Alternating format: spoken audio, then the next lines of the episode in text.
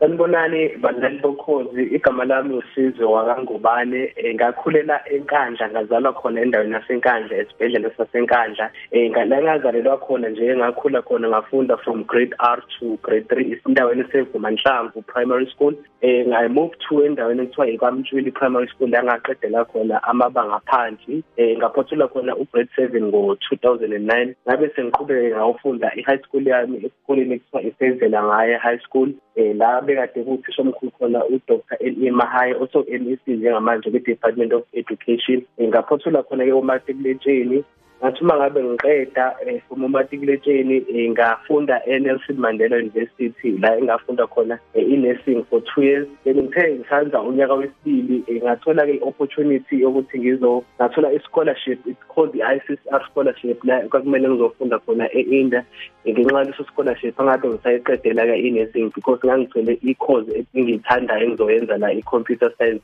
Okuyiyona ke engenza yona njengamanje khona la e-India University of Pune istate engihlala kusona ibizwa ngokuthi Maharashtra then iseat engihlala kuyona ibizwa ngokuthi isePune.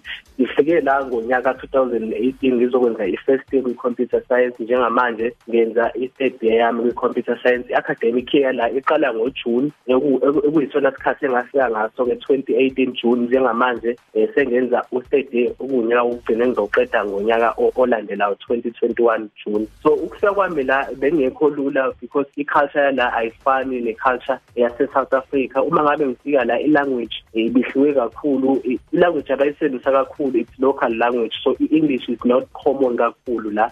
So ngistrategy kakhulu ke ngendaba ye language eh, in terms of i-culture eh, religion and i-weather yala it's extremely hot. Uma ngabe kunetha kunetha kakhulu futhi.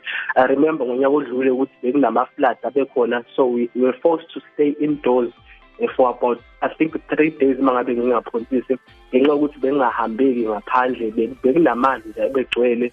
So ugesi ungekho kungekho nje yonke into ekade imile.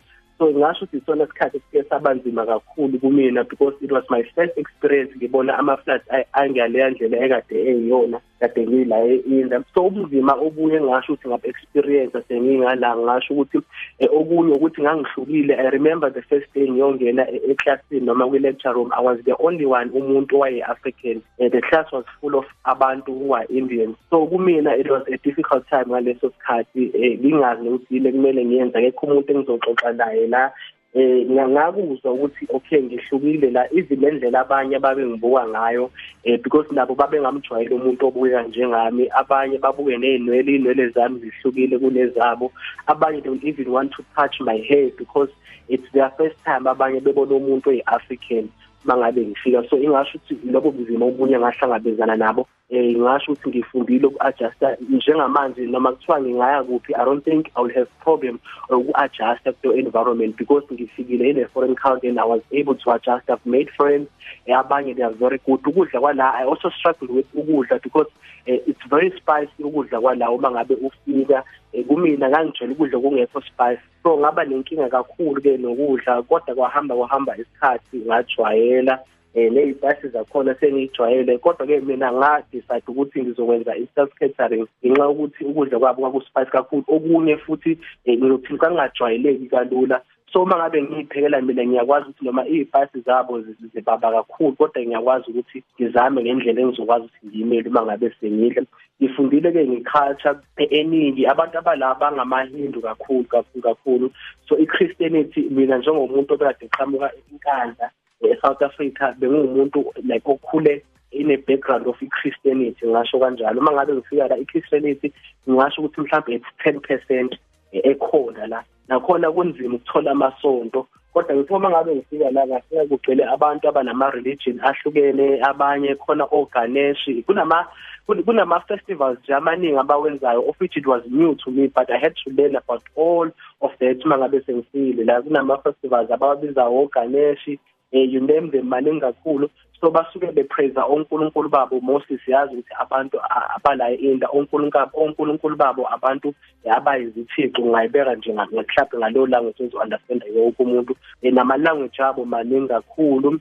Eh for example mina ngoba ngihlala la eMaharashtra ilanguage edominant kakhulu.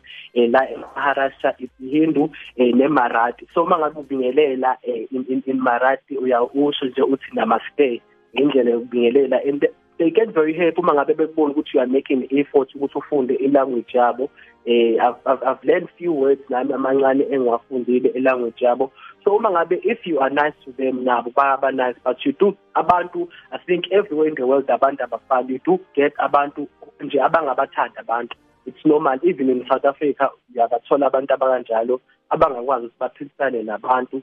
Mhlawumbe abangakwazi ukuthi bawatreat kangcono abantu abangama foreigners igama lami usizo wakangubani? Ngiyabonga kakhulu. Ngiyacela nje nabanye ukuthi baqhubeke balalele ukhozi njengoba sazi ukuthi ukhozi ubusakazo uhamba phambili kakhulu.